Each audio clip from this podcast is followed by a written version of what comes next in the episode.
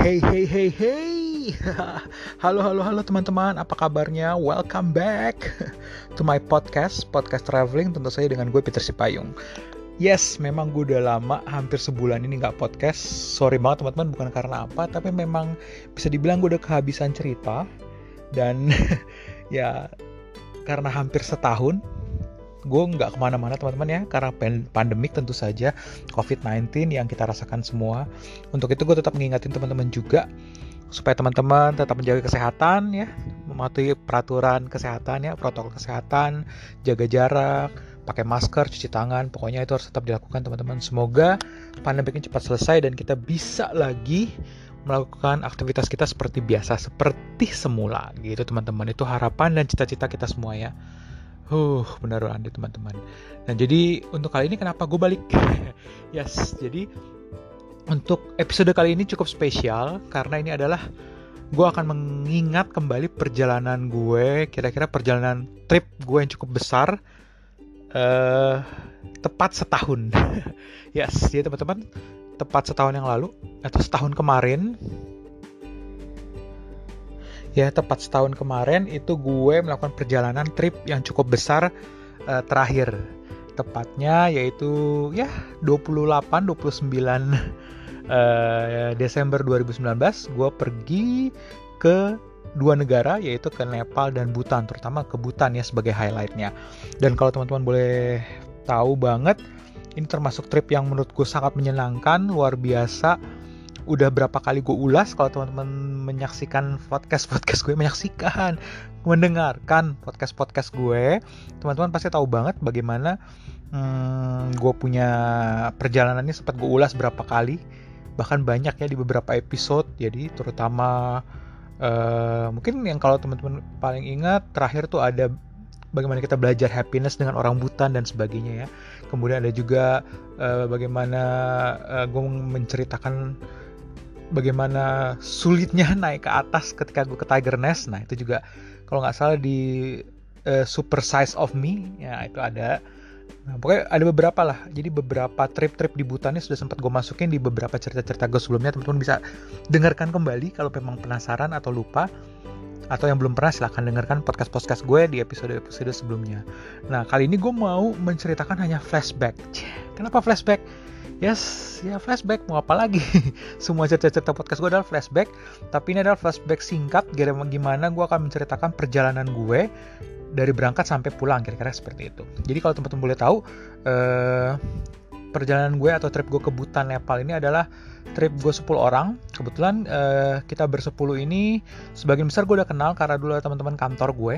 Jadi kita dulu bekerja sama di suatu perusahaan yang sama. Tapi kemudian uh, kita udah banyak uh, apa istilahnya ya uh, ada yang udah pensiun jadi ada yang sudah nggak bekerja lagi. Kemudian ada yang udah pindah pindah perusahaan jadi udah nggak bekerja sama-sama lagi tapi aslinya kita dulu dalam satu company yang sama yaitu di sebuah perusahaan minyak di bilangan apa namanya uh, aku gue lupa Cilandak walah.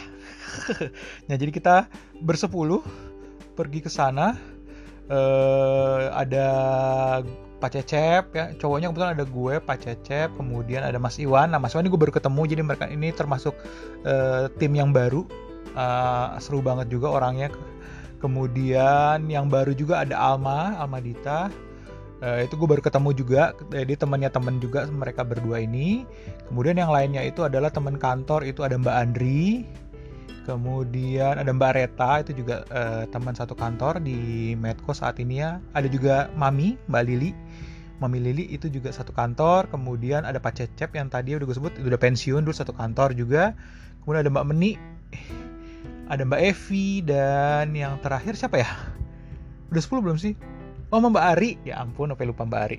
Nah itu, jadi kita bersepuluh kita pergi.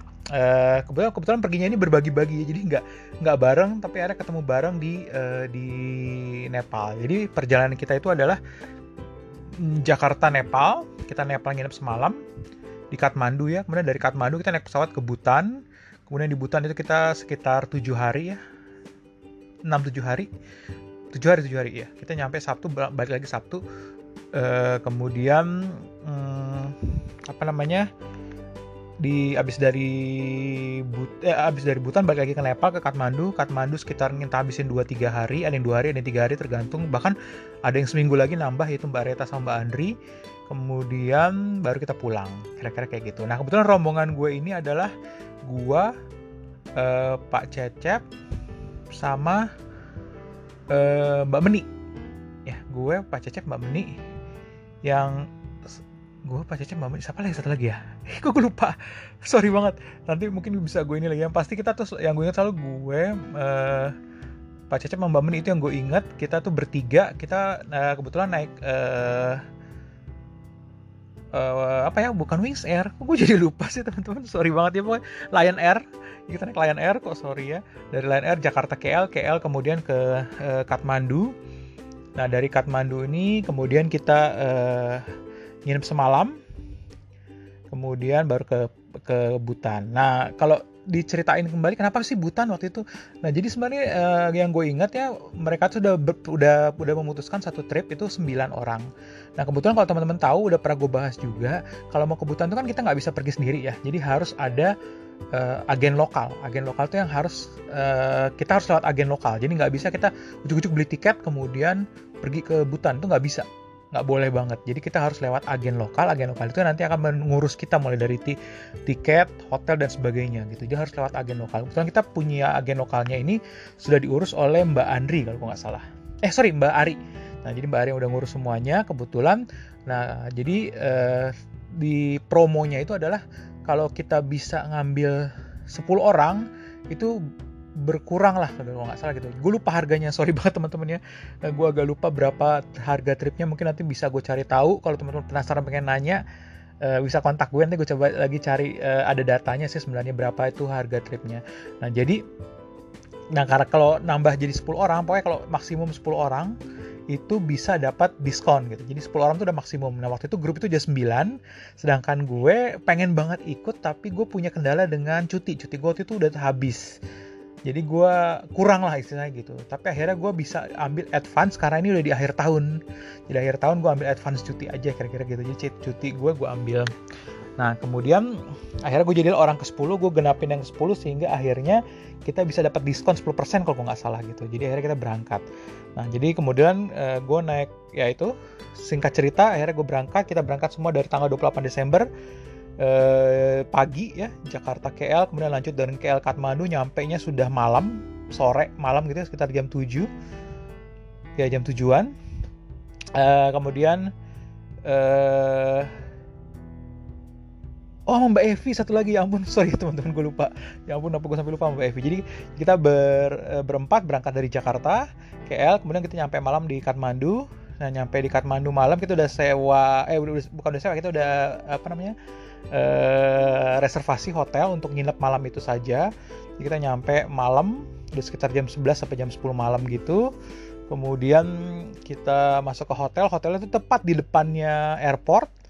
Jadi gampang untuk nyampe ya begitu nyampe kita langsung ke hotel, check in, eh, istirahat tidur, besok pagi bangun langsung kita check in lagi eh check out langsung check in lagi untuk uh, terbang ke Paro jadi Paro ini adalah bandar udara internasional di Butan.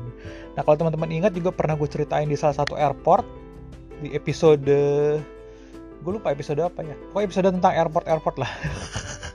Jadi saking banyaknya episode ya teman-teman. Jadi ada episode tentang airport, tentang pesawat terbang ya. Oh Living on the Jet Plane itu nama episodenya, judulnya teman-teman bisa cek. Itu ada satu salah satu gue bahas airport yang cukup berbahaya itu airportnya Paro ini ya bagaimana luar biasanya pengalaman yang bisa gue rasakan akhirnya singkat cerita gue bisa uh, bisa akhirnya mendarat di uh, Butan gitu. Jadi akhirnya tanggal 29 Desember kita sampai di Butan, kita mendarat. Ini cukup menarik. Gue inget banget waktu kita nyampe, nah kita dijemput oleh tour lokalnya. Jadi tour lokalnya itu adalah BMV Tour. Eh, yang punya itu namanya Dorji ya orang Butan tapi asli mukanya persis kayak K-pop artis sampai kita bilang ini Dorji kok K-pop artis banget ya? Kemudian uh, dia dibantu juga oleh pamannya. Kita panggilnya apa omnya gitu ya. Nah apa ini punya anak perempuan atau sepupunya Dorji yaitu Dema yang cantik. Uh, dan dia sangat helping. Jadi mereka bertiga ini benar-benar membantu kita banget selama perjalanan kita. Jadi singkat cerita waktu kita nyampe sudah sore ya, siang sore gitu sekitar jam 3 nyampe di uh, Paro kita disambut dikasih kayak selendang gitu kayak ada upacara selamat datang lah katanya gitu. Jadi kita dikasih kayak selendang gitu terus kita naik mobil kebetulan uh, kita naik dua mobil jadi ada satu mobil besar uh, mobil bukan mobil pickup ya kayak ya kayak elf gitulah ya. Itu kita muat uh, 7 sama apa dan Dema jadi 9 di mobil itu. Kemudian ada satu mobil lagi itu Dorji eh, tambah tiga orang. Jadi jadi totalnya di, di mobil satu empat di satu mobil lagi sembilan gitu. Jadi itu kita bertiga belas totalnya ya. Nah teman-teman habis itu kita dari situ kita memutuskan eh, bukan memutuskan bahwa program kita adalah eh, dari Paro kita langsung ke Timpu. Timpu itu ibu kotanya. Itu perjalanan lagi sekitar dua jam. Nah kita naik eh, naik mobil. Nah sebelum sampai ke Timpu itu kita sempat berhenti di namanya Tako Tako Lagang. Itu kayak semacam tempel kecil kemudian ada jembatan yang jembatan kayu yang udah lama banget yang udah tua. Mungkin teman-teman bisa lihat uh, Instagram gue setahun yang lalu nggak terlalu jauh ya karena memang gak ada perjalanan kan tahun ini. Jadi bisa lihat di Instagram gue itu bisa kelihatan kira-kira di tanggal ya 29 Desember itu uh, namanya Takolagang. Itu kayak tempel kecil ada jembatannya itu lucu banget unik.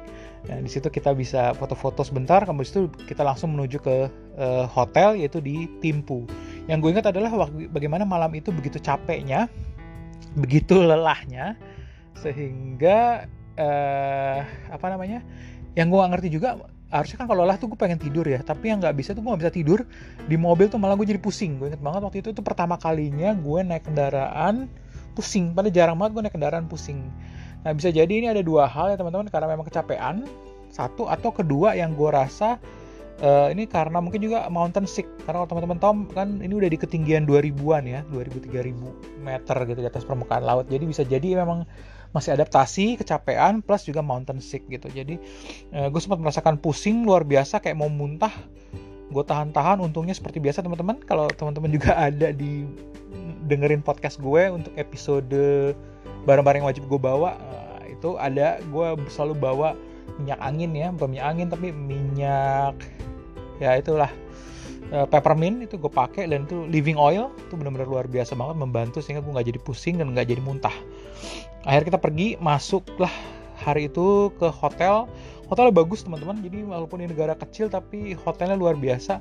Jadi bisa dibilang itu katanya hotel satu hotel terbaik di di Butan hotel itu hotel lokal loh ya jadi bukan hotel brand internasional bukan chain hotel lokal dan dia memang lagi mau naikin uh, bintangnya. Jadi kalau nggak salah dia masih bintang 3 mau naikin ke 4 atau ke 5 gitu.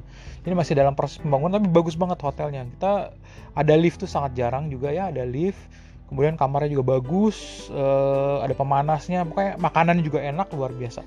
Gitu. Itu yang gue dapetin di hotel itu. Kemudian tanggal 30 Desember kita akhirnya pergi ke uh, keliling Timpu ya. 30 Desember itu kita keliling Timpu besok paginya yang paling gue ingat adalah pergi ke pagi-pagi kita pergi ke patung Buddha yang besar yaitu Timpu Halt Buddha. Itu di atas di atas bukit gitu ya di atas ya gunung lah bisa dibilang. Itu ngeliat Timpu dari atas jadi kota Timpu bisa kita lihat dari atas itu cantiknya luar biasa. Kemudian habis itu kita pergi ke Simple Bhutan Museum yaitu museum tentang menggambarkan kehidupan lokal orang Butan itu juga luar biasa. Yang gue inget banget di sini adalah makanannya. Jadi kita waktu itu sekalian makan siang di jamu makan siang dan makan siang tuh luar biasa enak banget. Gue inget banget teman-teman daging daging dry meat ya. Daging apa ya istilahnya bisa dibilang hampir mirip kayak uh, kalau di kita apa ya kayak makanan padang itu loh. Apa uh, dendeng. Kayak dendeng tapi enak banget teman-teman. Jadi gak gurih. Di saat yang sama pedes tapi nggak terlalu pedes. Pokoknya enak banget luar biasa itu sampai kita nambah berapa kali minta si dry meatnya itu. Kemudian juga ada makanan chili cheese ya. Itu teman bisa cek juga ada di uh, podcast gue juga dengan episode Hungry Like a Wolf. Makanan-makanan yang enak tuh gue sebutkan di situ. Teman-teman bisa cek kembali. Dan habis itu kita pergi ke Memorial Stupa Timpu yaitu uh, jadi sebuah stupa di di kota Timpu ya. Jadi kayak temple gitu yang cantik luar biasa. Yang gue ingat waktu itu adalah itu hari yang siang cerah dengan langitnya biru tuh luar biasa dan cantik banget waktu foto-foto. Gitu teman-teman. Dari situ kita ke National Textile kemudian kita pergi ke terakhir tuh ke Tas Kezong yaitu adalah kantor pemerintahan kantor tempat raja eh, Butan memerintah ya jadi kayak kantor pemerintahannya gitu. Kayak parlementer gitulah kira-kira teman-teman. Itu ke itulah hari itu kita pergi uh, apa namanya di seputaran Timpu. Kemudian tanggal 31 Desember mau malam tahun baru uh, hari itu kita mau bal mau pergi ke kota Punaka jadi kita dari uh, pin uh, dari Timpu mau ke kota Punaka jadi Punaka itu adalah ibu kota lama dari Butan jadi sebelum Timpu itu namanya Punaka yang gue ingat itu kita pergi lewat Duca Lapas. Jadi Duca Lapas itu jadi antara Timpu dan Punaka itu ada pegunungan, jadi bagian dari pegunungan Himalaya ya. Dan itu sangat tinggi banget kalau nggak salah sekitar 3 ribuan di atas permukaan laut juga. Eh, nah untuk kedua kalinya ini gue udah nggak udah nggak pusing sih. Jadi mungkin udah terbiasa karena udah berapa hari ya. Tapi yang pasti tuh luar biasa banget. Kita bisa ngeliat puncak tertinggi Himalaya di wilayah Butan kalau nggak salah sekitar 7.300 meter tuh kelihatan banget dengan jelas dari Duca Lapas ini. Jadi Duca Lapas tuh kayak jalan di antara dua gunung gitu lah. Jadi dia yang pasnya untuk bisa melewati gitu ya. Itu cantik luar biasa. Di situ juga ada uh, ada apa sih istilahnya? Ya kalau bisa dibilang kalau kita di puncak tuh kayak mirip-mirip puncak pas tuh kayak yang rindu alamnya lah kayak gitulah. Itu di daerah situ gitu teman-teman. Dari situ kita pergi ke nyampe mungkin sekitar dua tiga empat jam lah. Karena cukup eh dua tiga jam sorry. Bukan empat jam empat jam kalau kita ke ini ya balik ke Paro. Nah jadi ke sampai di Punaka kita langsung udah siang udah udah siang langsung makan siang. Nah habis makan siang itu kita pergi ke apa namanya uh, uh, temple yang cukup terkenal yaitu Cimilakang ini juga mungkin teman-teman yang sering ngeliat pernah gue bahas juga kalau nggak salah di Red Light District ya. Jadi ada sesuatu yang cukup unik yaitu kalau teman-teman tahu ada suatu desa di Butan yang punya gambar-gambar penis ya. Jadi penis yang digambar di dinding-dinding rumah. Nah itu di inilah sampai gue waktu gue sebutnya detit desa titit. Sorry tutut. Ya jadi tuh Cimilakang ini kita pergi ke situ. Jadi Cimilakang ini ada di Punaka nah dari situ abis itu kita pergi ke hmm, Punaka Zong Punaka Zong ini juga semacam eh, kayak kayak tempel merangkap istana tapi saat itu udah dipakai sebagai gedung administratif atau gud, awalnya eh dulunya malah gedung pemerintahan dari eh, apa namanya Butan sebelum pindah ke Timpu. Nah, itulah kejadiannya 31 Desember ya kita menghabiskan waktu malam tahun barunya di Punaka. Terus eh, ada acara khusus nggak ada teman-teman. Jadi bisa dibilang waktu itu ya udah malam kita ya udah udah tahun baru ya udah udah selamat tahun baru uh, kebetulan waktu itu gue sekamar dengan uh, Pak TJ, Pak Cecep. Ya, kita cuma selamat tahun baru Pak Cecep, ya selamat tahun baru udah gitu. Itu juga selamat tahun barunya udah udah kelewatan ya, udah udah pagi malah kalau gue nggak salah. Jadi gue inget Pak Cecep udah bangun buat mau sholat subuh. Gue juga kebangun terus eh udah tahun baru. ya ya bisa dibilang nggak berkesan. Ya ya namanya juga lagi trip ya gitu teman-teman. Tapi nanti teman-teman tahu uh, di tanggal 1 Januari jadi 1 Januari ini kita uh, balik ke kota Paro. Jadi kita balik ke Paro Paro uh, tempat kita mendarat ya International Airport. Uh, di kota Paro ini kita nggak lama apa istilahnya begitu karena perjalanan cukup jauh ya dari Punaka ke Paro hampir sekitar 4-5 jam jadi sampai di Paro kita hanya sempat sempat pergi ke istana Paro Zong Habis itu langsung ke hotel. Nah di hotelnya kita ada acara tahun baru. Jadi tahun baru itu dibuat sama timnya BMV Tour oleh Dorji. Jadi mereka ngundang kayak tradisional, tradisional penari gitu di hotel. Kita disambut dengan tari-tarian, cerita rakyat kayak gitulah. Terus kita pakai baju tradisionalnya, uh, baju tradisionalnya apa namanya uh, orang Butan ya itu udah pernah gue ceritain juga gue lupa tapi di salah satu episode gue juga podcast bisa teman-teman cari lagi. Di situ kita akhirnya eh, apa namanya mm, merayakan acara tahun baru. Lumayan deh teman-teman. Pokoknya eh, dibuat supaya berkesan. Jadi Dorji itu nggak mau kita tuh kayak melewatkan acara tahun baru kita gitu. Jadi akhirnya kita eh, ya merayakan acara tahun baru kita dengan cukup menarik di eh, di hotel gitu teman-teman. Nah teman-teman bisa juga lihat di Instagram gue yang pasti kita eh, makan-makan, makan-makan lumayan. Ada kue tart yang gue inget, kemudian juga uh, ya makan-makan tradisional lagi, makanannya Butan lumayan enak juga. Kalau lumayan emang enak. Dan ya udah akhirnya kita istirahat karena besoknya